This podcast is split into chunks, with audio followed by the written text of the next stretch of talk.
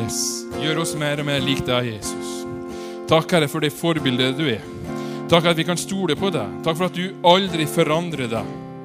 Og takk, Herre, for at med deg på laget så blir livet mye mer bedre, mer interessant, mer spennende. Ting som vi ikke har forutsett, skjer. Og vi gleder oss, gleder oss over at det håpet som du har i, lagt i oss, at en dag skal vi stå oppi der sammen med Gud og bare takke deg i all evighet. Takk, Herre. Du er fantastisk. Amen. Amen. Før du setter deg, ikke lov å sette dere ennå, klem naboen, si noe fint, si at ribbefettet er fortsatt i magen. Si et eller annet.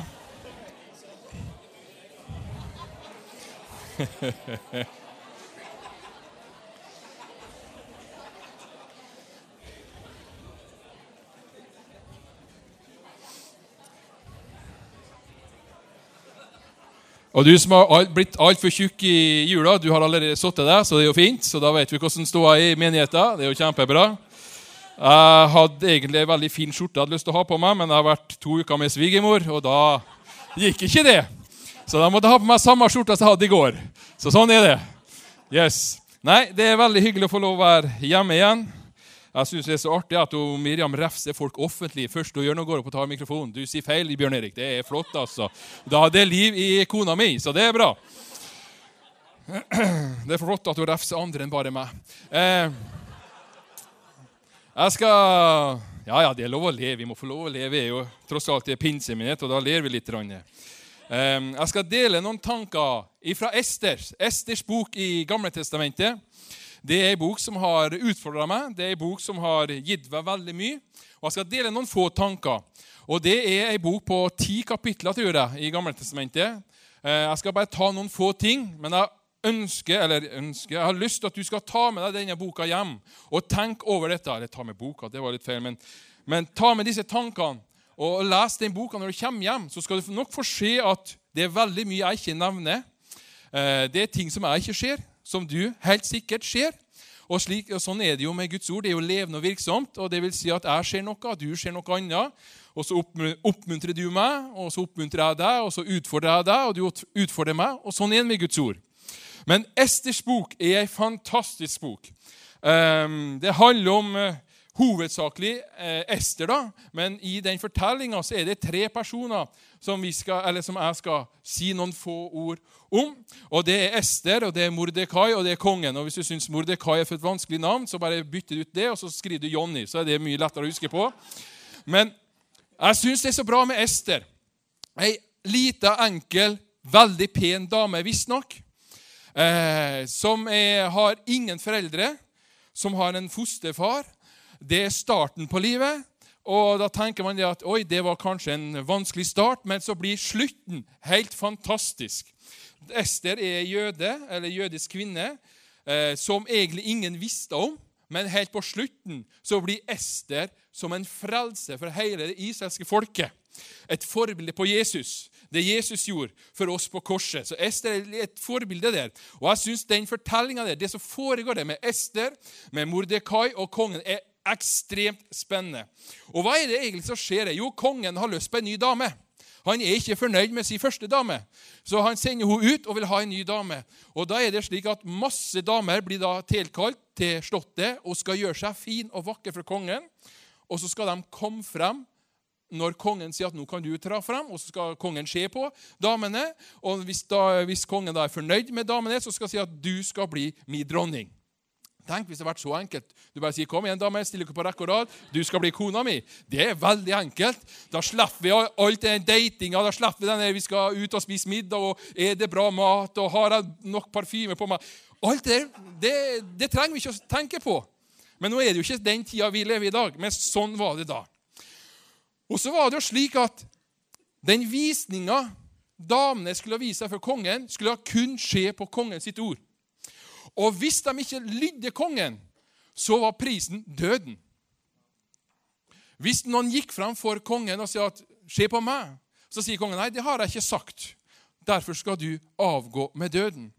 Så det var en veldig risiko, dette med å lyde kongen og ikke lyde kongen. Det er én ting.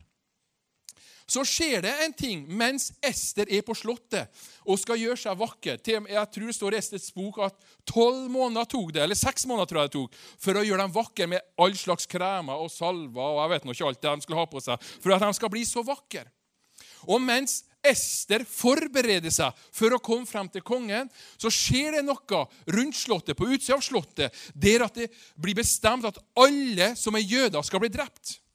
Mordekai, som er fosterfaren til Ester, får vite dette. Og Mordekai tenker det er jo ingen som vet hvem Ester er. Det er bare jeg som vet hvem Ester er. Og jeg må få bringe den beskjeden til Ester, slik at hun kan gå framfor kongen og si 'Spar folket mitt'. Og Så får Ester denne beskjeden der, og Mordekai sier du må skynde deg og gå framfor kongen og si at 'drep ikke det jødiske folket, for det er mitt folk', og jeg ønsker at de skal få leve'. Og Da sier Ester til Mordekai tilbake, 'Takk for oppdraget, men er du klar over hvilken pris jeg må betale hvis jeg går frem for kongen uten at han spør om jeg skal få lov å komme?' Da dør jeg. Og Da svarer Mordekai, 'Ja, tror du, tror du at det er noe bedre enn alle andre?' da? Hvis ikke du gjør det, hvem skal da gjøre det? For du er den eneste representanten for det jødiske folket her på Slottet. Så det vil jeg at du skal gjøre, sier Mordekai. Tenk deg den stressituasjonen, det presset der. Hvis jeg ikke gjør det, så går hele mitt folk til grunne. Det presset har ikke jeg lyst til å ha på mine skuldre. Ester tenker. Det går litt sånn kommunikasjoner frem og tilbake mellom Ester og Mordekai gjennom noen tjenere. Og så sier Ester til, til Mordekai ja, jeg skal gjøre det. Men da må du love meg at du samler sammen alt det folket du har, som du kjenner, og be for meg. For det er en høy pris jeg må betale. Jeg må gjøre noe som jeg aldri har gjort før. Jeg må gå i tru. Jeg må gå ut av min komfortsone. Jeg må gå ut av min boble, og min boble er nettopp det at jeg skal gjøre meg vakker på utsida. Det er mitt viktigste oppdrag. Det er nesten slik at Ester klarer ikke å se situasjonen fordi hun var så opptatt med seg sjøl. Og da er det så bra at vi har noen som er rundt oss, som kan hjelpe oss noen ganger når vi mister synet. Og det er nettopp det som skjer med Ester. Hun mister synet fordi at hun var så opptatt med sitt. Og det er ikke feil å være opptatt med sitt, men det, det blir litt utfordrende når vi glemmer alt og alle når vi er så opptatt med oss sjøl som vi mange ganger kan være. Også som menighet. Vi er så opptatt med det som skjer innenfor de fire veggene, her, at vi glemmer det som er på utsida. Jeg skal gi dere et bitte lite eksempel eh, med, med, det som vi holder på å jobbe i Belgia. Vi, skal, vi har planta med et, vi har starta. Og når vi kom inn til den byen der, og når vi møtte de to andre ekteparene som har vært og bedt for byen hver mandag to timer i ett og et halvt år Og når du gjør det samme Og det er ikke feil å gjøre ting eh, likt hver uke, men det er veldig ofte så glemmer vi mange ting, for vi er så opptatt av sånn var det sist gang, sånn gjør vi det nå. Og det er, ikke, det er, ikke, feil i det, men veldig ofte så kan vi faktisk glemme ting. Vi ser ikke det store bildet, for vi er så opptatt med de små bagatellene mange ganger. Vi diskuterer de små bagatellene i menigheter, i ekteskap, og så glemmer vi det store bildet. Hva er oppdraget vårt? At mennesker skal bli kjent med Jesus på forskjellige måter. Det er det store oppdraget, men så glemmer vi mange ganger det fordi vi er så opptatt av små ting. Og Ester hun var opptatt hva da? av å gjøre seg vakker og pen. Og det er ikke feil å være vakker. Kjære vene, jeg er jo gift med ei vakker dame. og Man skal jo være vakker. Det er ikke det. Men mange ganger så blir fasaden, utseendet, det viktigste, men ikke hjertet. Så starta vi den menigheten i, i, Belgia. Så sitter vi der og snakker sammen, vi seksene. da, og Så har vi, har vi begynt litt, og så gjør vi noen, noen uh, husgrupper, og så merker vi at det skjer ingenting. Og det er ikke det at alltid skal det skje noe. Men det er veldig greit hvis det skjer også noe, noe fra oven. at det skjer noe, Da blir du inspirert og oppmuntra. Og så, jeg, så stiller jeg bare et spørsmål. Det som dere har gjort nå i ett og et halvt år, kjempebra, folkens. Og så har dere invitert oss inn, meg og Miriam, til å lede dette videre for å starte en menighet. Og så spør jeg bare et lite spørsmål. Hvis vi gjør det som vi har gjort i ett og et halvt år, uten å forandre oss, så kommer kanskje naboen inn.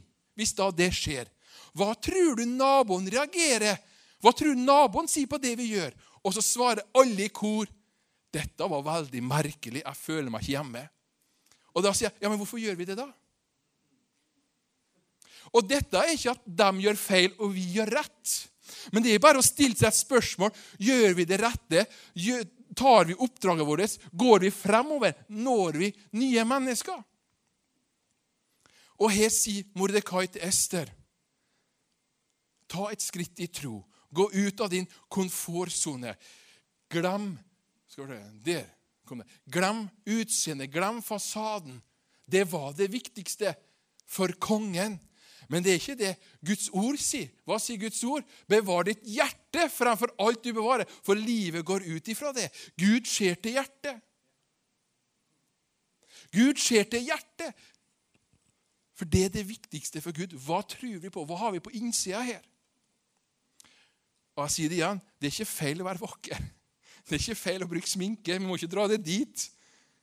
Men for kongen så var det viktigste det var utseendet, det var fasaden, men ikke på innsida. Og det sier Mordekai til Ester. Flott at du gjør deg vakker, men det er noe som er mye viktigere, og det er nemlig den oppgaven du har fått for Gud nemlig å gå fram for kongen og spørre om at det jødiske folket skal gå fri og ikke bli drept. Ester tror jeg var livredd når hun hørte dette. Hun var ikke forberedt på det. Den starten hun hadde på livet, uten foreldre Ingen visste hvem hun var, og nå fikk hun den store oppgaven å gå fram for kongen. Noe som hun venta på, men hun måtte vente på det timinga når kongen sa 'Nå er det riktig. Men så trossa Ester det og gikk faktisk framfor kongen uten at han har sagt noe.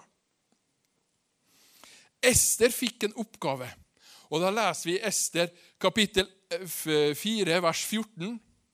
Og Da sier Ester, eller Mordekai til Ester Og hvem vet ikke om du har nettopp for denne tid som denne at du har fått dronningverdigheten?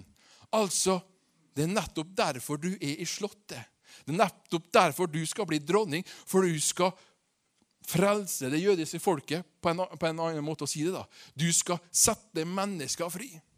Og Så leser vi en annen plass i Nytestamentet om Jesus når Jesus står foran Pilatus, akkurat nesten det samme, da Pilatus har en diskusjon med Jesus. For Pilatus finner jo ikke feil på Jesus. Det Alle andre ville korsfeste Jesus. Og da sier Jesus ja, men det er jo derfor jeg har kommet for dette. For at uh, komme til verden, sier Jesus i samtale med Pilatus. Og hva var det Jesus kom for? Jo, for å åpne døra inn til himmelen. Det var det Jesus kom for. Og hva var det Ester ble satt til det? Jo, for å sette mennesker fri. For å frelse menneskene fra døden og inn til livet. Derfor kan vi si at Ester er et forbilde på Jesus. Og Jesus sier dette til Pilatus. 'Jeg har kommet nettopp for dette.' For å åpne døra til himmelen. Jeg skal dø på korset for at alle de gale tingene som vi har gjort, all den synda som vi har, skal bli lagt på Jesus, slik at vi kan stå fremfor Gud uten dårlig samvittighet, uten for å være redd. Og vi kan si at 'jeg er akseptert av Gud', trenger ikke å, å være redd for livet mitt. Derfor kom Jesus. Og vi skal ha nadvær i dag. Hvorfor det? Jo, for vi skal ikke glemme den prisen som Jesus betalte for oss. Den smerten som Jesus gikk gjennom. Alle sykdommene som ble lagt på Jesus. Det skal ikke vi glemme. Derfor har vi nattverd.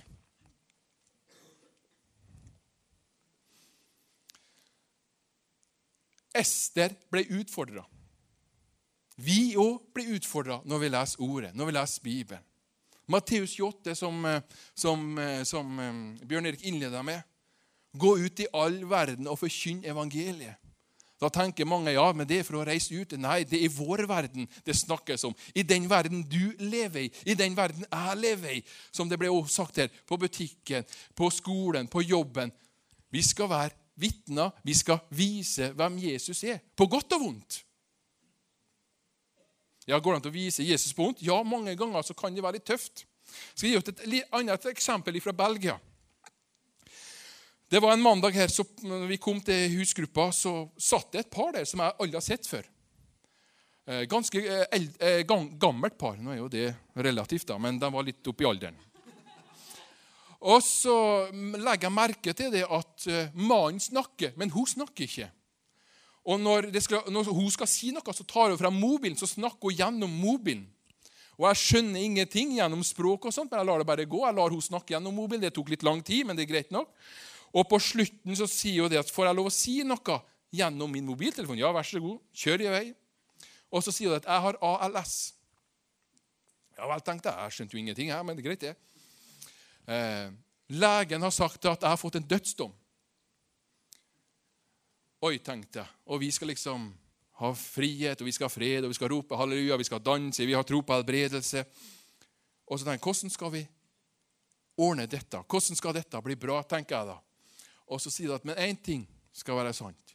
Uansett hva mitt liv, eller hvilken retning mitt liv tar, så skal det være én ting være klart, sa hun. Det er Jesus som er nummer én, og jeg skal vitne så langt jeg kan med min mobiltelefon. Og jeg tenker, hvordan går det an? Rett før jeg kom hjem til jul, så fikk jeg en mail at hun har havna på sykehuset. Og jeg tenker, da må jeg jo gå og besøke henne. Og Jeg drar på sykehuset to dager før jeg reiser hjem her til jul. Så tenker jeg med meg sjøl at jeg blir nok sikkert det bare ti minutter før dama er sjuk, sliten og er egentlig klar for å reise hjem. Så kommer jeg inn, åpner døra, og så blir jeg i to og en halv time. Vi jubler, vi synger, vi gråter, og vi oppmuntrer hverandre.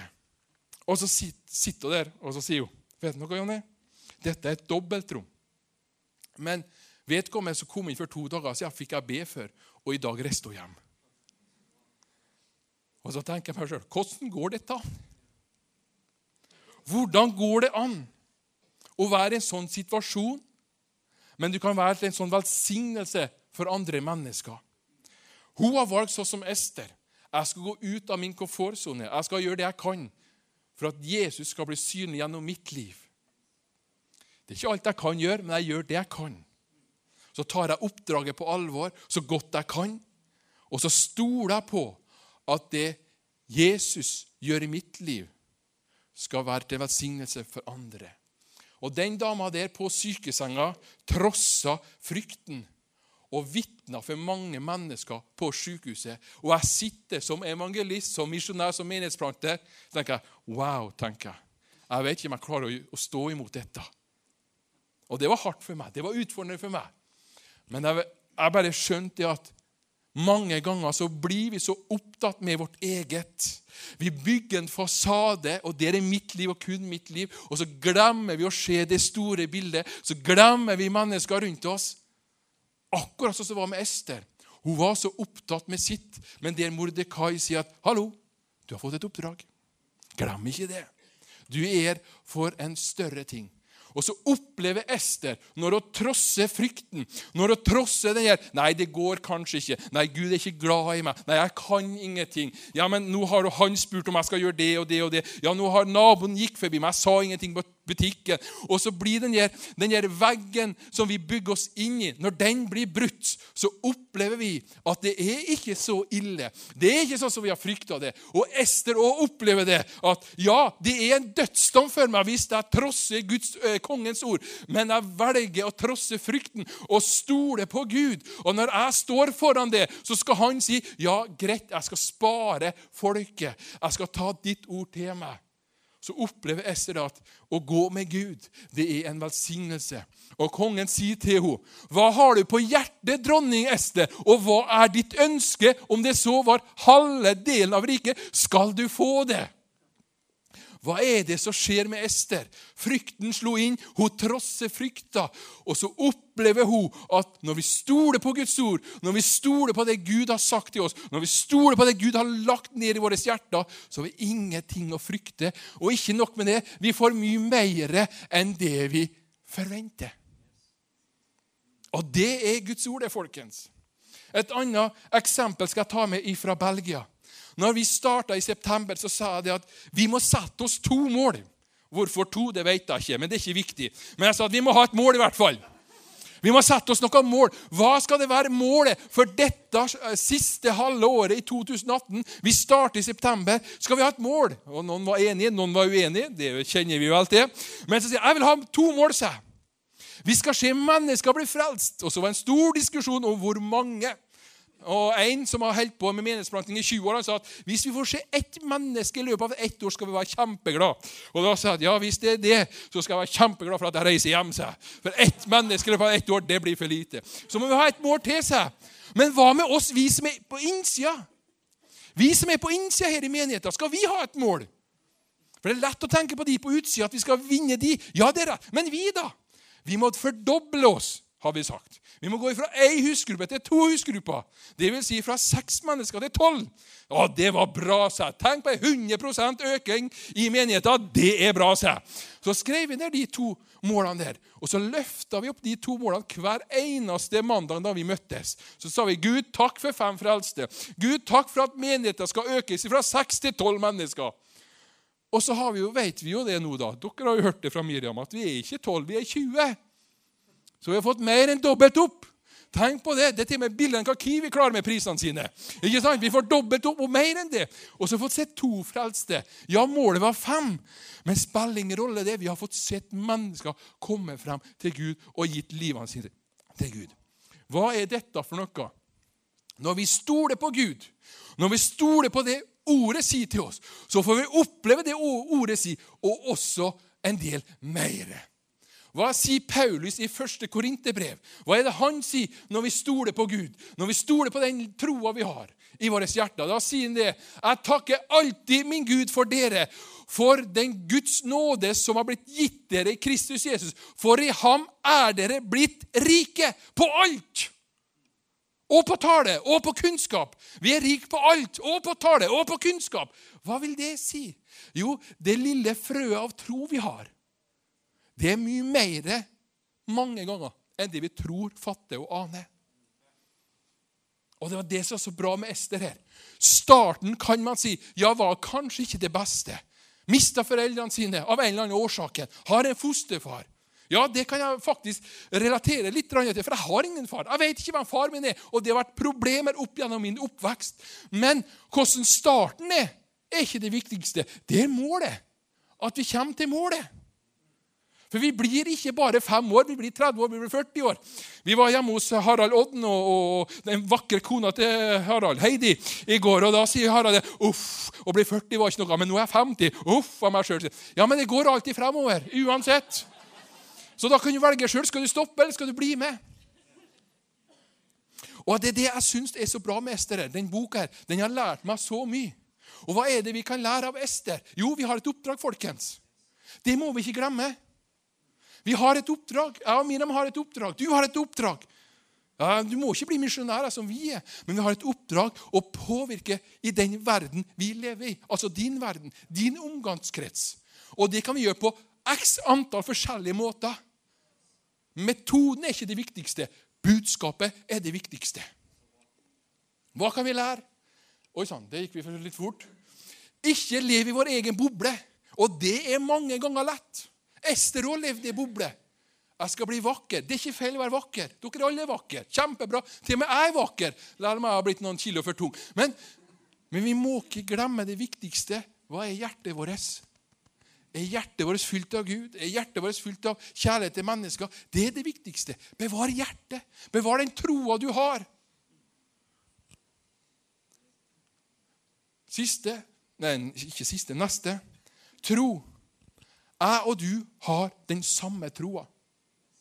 Men livene våre kan være litt forskjellige. Situasjonene våre kan være litt forskjellige. Men vi har den samme troa. Og hvilken tro har vi? Jo, den troa som Gud ga oss gjennom Jesus Kristus. Avslutt med stil. Ester avslutta med stil. Hun ga ikke opp. Og vet du noe? Livene våre kan gå i forskjellige retninger. Vi kan oppleve forskjellige ting av forskjellige årsaker. Vi kan ta feil valg. Vi kan oppleve ting jeg vet ikke hva, men spiller ingen rolle det hva vi opplever. Troa vår er likedan. Det er Jesus Kristus som døde for oss, som sto opp igjen for oss, for nettopp at Gud elsker deg slik som du er. Og det må vi aldri glemme. At vi avslutter vårt liv med det. Og vi gjør sånn som Ester. Vi trosser frykta mange ganger. Gå i tro. Ja, hva er det å gå i tro? Ja, Det kan være snakk med naboen kanskje for første gang. Det er mange som har spurt oss snakker dere med naboene. Ja, Den ene sida snakker vi med, den andre sida snakker vi ikke med. Hvorfor? Vi ser de aldri. Aldri, De er nesten aldri hjemme. Jeg skjønner ikke hvorfor man har et hus, men ok. Men, de er men den andre naboen snakker vi med. Og det sa vi det rett ut, for hun spurte oss hva gjør to vakre nordmenn i Belgia. Jo, det skal jeg fortelle deg. Vi starter ny med et Å, så spennende, da. Skal dere bli med inn på kaffe? Var neste spørsmålet. Et annet eh, opplevelse vi hadde i Belgia Vi var på besøk med borgermesteren, for slik er det i Belgia. Alle nye innflyttere eh, får en invitasjon, kaffe og middag med borgermesteren, og vi sier jo ikke ja til det. Tenk hvis en Trond Arne skulle ha gjort det. Det hadde vært fint, det. He? Men det gjør de i Belgia. Og da kommer spørsmålet igjen. Hva gjør to nordmenn her i Belgia? Vi skal starte menighet. Og vet du hva reaksjonen var fra kommunen? Så spennende. da. Hva kan vi gjøre for at deres menighet blir lykkes i Belgia? Det var svaret fra kommunen. Så de sitter og venter på oss om at vi kan få lov å få et lokal ifra dem. Vi må jo selvfølgelig betale, men de venter på oss, og de ønsker å hjelpe oss. Hva er dette for noe? Jo, vi gjør det som Ester. Vi tar til oss oppdraget. Vi trosser den menneskelige frykta det til å snakke med folk rundt oss, skape relasjoner. Og vi stoler på at det Gud har gitt oss, er nok. Og vi avslutter med stil. Vi gjør vårt beste. Også når det kan gå litt skeis, så gjør vi vårt beste da òg. Og så blir det som oftest bra til slutten. Jeg ønsker at du skal ta med Esters bok med deg nå i starten av dette året og tenke sånn Hvilken Ester kan jeg være for min verden? Hva kan jeg gjøre for min omgangskrets? Kan jeg gjøre noe som utgjør en forskjell? Kan jeg gjøre noe når jeg går i tro? Kan jeg gjøre noe i menigheten for eksempel? Utgjøre en forskjell i denne menigheten? Tenk hvis Bjørn Erik skulle ha ledet hvert møte her i alle år. Gud, hva kjedelig det har vært. Ikke at han gjør en dårlig jobb, han gjør en kjempejobb, men det må komme nye til. Hva kan du gjøre i denne menigheten, slik at denne menigheten kan påvirke Haua og Dalene enda mer? Ta med deg Ester hjem. Grunn på det. Hva betøy Ester i den tida, og hva kan du bety for mennesker rundt deg i 2019? Hvilke mål skal du sette deg for 2019? Og så la 2019 bli et fantastisk år. Skal vi be en liten bønn, og så skal vi feire nattverd sammen. Far i himmelen, du er fantastisk. Du er levende, du er virksom. Takk her for alt er mulig for hver den som tror på deg. Takk er for den troa du har gitt oss, er nok til å se og oppleve og erfare mirakler i 2019. Takk er for den troa som du har gitt oss, utholder alt. Takk for den troa du har gitt oss, rommer tvil. Takk for den troa du har gitt oss, rommer motgang. Takk for den trua du har gitt oss, rommer nederlag, men hjelp oss å komme igjennom, slik at vi får se oppturer igjen. Takk for den trua du har gitt oss, den holder alt. Og Jeg ber, Herre, for 2019 skal bli et spesielt år. Skal bli et år med nye ting skal bli et år der flere gjør som Ester. Trosser den frykta. Betaler den prisen det er for å gjøre noe nytt, gå i tro. Og takk, Herre, for at denne menigheten, som er vår menighet, vår hjemmehet, skal bli til frelse med mennesker. Skal bli mennesker til helbredelse. Skal få se mennesker bli oppretta. Skal få se eh, som, mennesker som lever sammen, bli oppretta. Takker for alt det er mulig for hver den som tror. Amen. Vi skal feire nattverd. Og hva er det? Jo, det er fantastisk. Jesus døde på korset. Han kom ned. Han tok Gud i ei hånd. Han tok menneskene i ei anna hånd. Og så førte han disse menneskene sammen. Han gjenforente menneskene med Gud. Og det må vi aldri glemme. Vi må aldri glemme at den troa du hadde, ble prøvd på korset. Og Hvis vi leser ordet, så står det en plass der Jesus sier, eh, eller Jesus får utfordringa ja, du kan, gå, du kan la dette gå forbi. Du har muligheten Jesus, til å step down. Du har mulighet til å Ja, dette var for hardt. Dette klarer jeg ikke. Nå, nå lar jeg det gå. Du, Jesus hadde muligheten til det. Hvorfor det? Jo, vi alle har mu, fått muligheten til å gi opp. Men Jesus ga ikke opp. Han fullførte verket. Hvorfor det? Jo, for du er så dyrebar. Du er ikke hvem som helst. Du er utplukka, du er utvalgt. Ja, Se på mitt liv, da. se hva jeg har gjort. Spiller ingen rolle, det. Du er elska, du er utvalgt. Får jeg lov å gi et lite eksempel til fra Belgia? Kan jeg få lov til det? Jeg kjører på, sier han. Det er en hamre, vet du. Vi elsker hamre, vet du. Det er flott. det for. Luke som ble frelst i vår menighet Jeg sier menighet, det er jo husgruppe, da, men vi sier menighet. Luke som ble frelst, var 60 pluss. Og så ville jeg bli litt kjent med han. Første gang gikk det jo ikke, for han var jo så sørpa full at det var litt leven. Men det er greit. Det, det tåler vi. Skal, vi. skal, vi. ha åpne dører i kirka, ja, da må vi tåle å ta imot de som ikke er sånn som oss. Og det kommer Luke og lager et leven ut like. Men det, det er greit, det. Så kom han tilbake neste gang, og da han sagt det at jeg har blitt så forvandla. Og jeg har aldri blitt mottatt sånn som jeg har blitt mottatt her. sånn. Så jeg har begynt å ta et valg og tro på Jesus. Flott, sier jeg. Og Så ba vi sammen, så var det ferdig, og så tenkte jeg at jeg må snakke med ham. Og Så sier jeg til Luke at 'Hvordan er livet ditt?' Og han ble kanonrød i ansiktet. Og Jeg skjønte jo ingenting. Er noe å bli flau over det? Og så forteller han jeg er gammel sjømann. Oi, tenkte jeg. Ja, jeg har jo skjønt litt. Og jeg har vært overalt og farta, og jeg har damer i hver havn. Greit, det. Nå trenger jeg ikke å si mer. Det er flott. Vi reiser Og han ble så rød. Og så, Det er jo normalt at du spør folk ja, har du barn. Sånt. Ja, jeg har barn i den havna. Ok, greit. Skjønner poenget. Og sier, Hvorfor er du så flau? sier jeg. Du trenger ikke å være flau. Du trenger ikke å skjemmes for det er livet ditt. Vær obs på én ting, sa jeg til en Luke. Korset er for at du er verdifull. Jesus døde for at du er verdifull, for at du skal komme, komme tilbake til Gud og avslutte livet ditt der du har tilhørt hele tida. Da kom tårene. 60 pluss. Det livet skjemtes hele livet. Tora hadde nesten ikke si det til meg. Og så fikk han oppleve helbredelse på innsida. Så fikk han oppleve å komme tilbake der han har vært lengta etter et helt liv. Det er nadvær, folkens. Oppleve helbredelse når vi tar nadvær. Oppleve at mennesker tar bestemmelse. Jeg skal følge Jesus. Det er nadvær. Og Da skal vi lese i, i Lukas, et lite bibelvers her. Lukas 22, 14-20, hvis du har lyst til å slå det opp. jeg tar det med deg. Så står det, Da tiden var inne, tok Jesus plass ved bordet sammen med apostlene, og han sa til dem, Jeg har lengtet inderlig etter å spise dette påskemåltidet med dere før jeg skal lide. For jeg sier dere, aldri mer skal jeg spise påskemåltidet før det er blitt fullendt i Guds rike. Så tok han et beger, ba takkebønn og sa, ta dette og del det mellom dere, for jeg sier dere, fra nå av skal jeg aldri mer drikke av vintreets frukt før Guds rike er kommet. Så tok han et brød, takket og brøt det, ga dem og sa, dette er min kropp som gis for dere.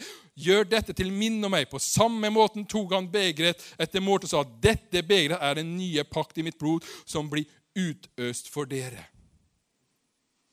Dette gjorde Jesus nettopp for deg, og det må vi aldri glemme. Vi er akseptert, vi er godtatt, vi er frelst, om vi tror det eller ei. Alle er frelst. Vi skal ta imot dette, og vi skal glede oss over det for den posisjonen vi har i Guds rike. Vi er rene og hellige for Gud fordi Jesus gjorde det han gjorde på korset.